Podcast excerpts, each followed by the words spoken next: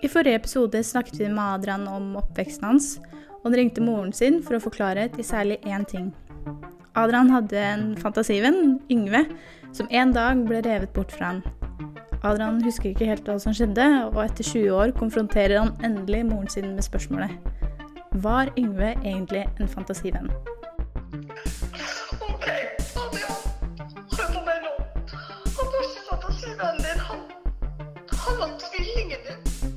Nå var det altså bekreftet. Tvillingen til Adrian var et faktum. Og det var mest sannsynlig han jeg møtte denne skjebnesvangre februardagen ved Akerselva. Adrian blir med meg og radiokollega Kari tilbake til åstedet, hvor vi for alvor starter jakten på Yngve.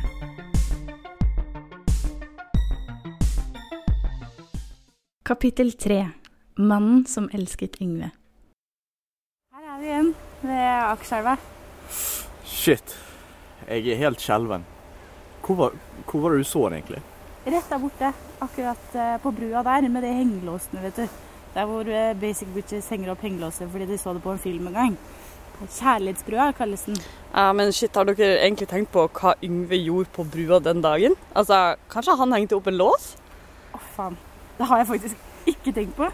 Det kan jo kanskje være, være et spor som kan lede oss direkte til Yngve. Adrian! Adrian, vent! Vi løp bort til brua for å sjekke om Yngve hadde festet en klein hengelås for å feire lame evig kjærlighet. Og to timer senere hadde vi snudd hver eneste lås.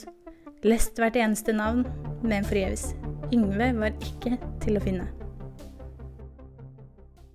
Eh, Du Adrian, vi har tenkt litt på hvordan vi kan spore Yngve opp. eh, Og vi tenkte at det aller letteste ville vært å henge opp plakater i nærområdet. Altså rundt her hvor vi så han sist.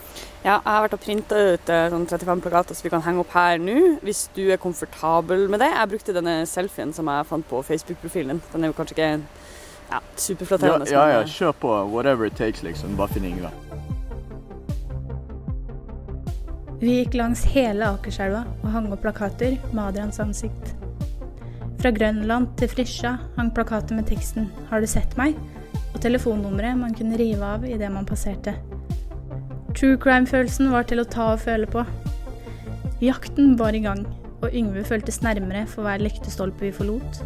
Et lite stykke håp festa med teip. Men det føltes ikke nok.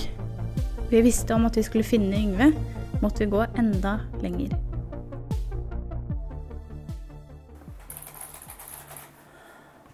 Um, OK, da har jeg sendt spyttprøvene vi tok fra Adrian til laben.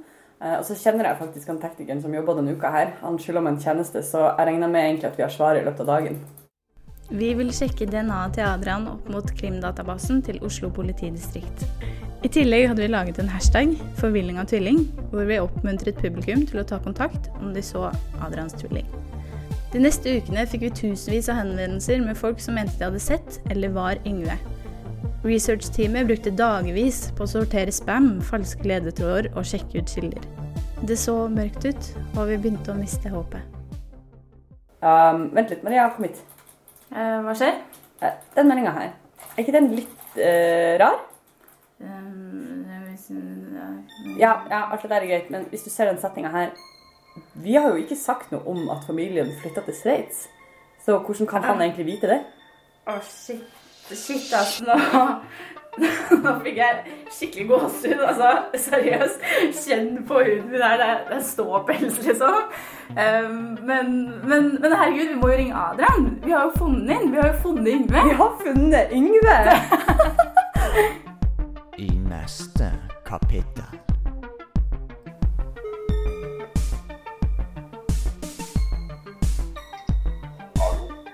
Um, hei, uh, dette er Kari Eiring som ringer. Jeg ringer fra en podkastserie uh, som, som produseres av Rushdie på Radio Nova. Um, hvem har jeg snakka med? Uh,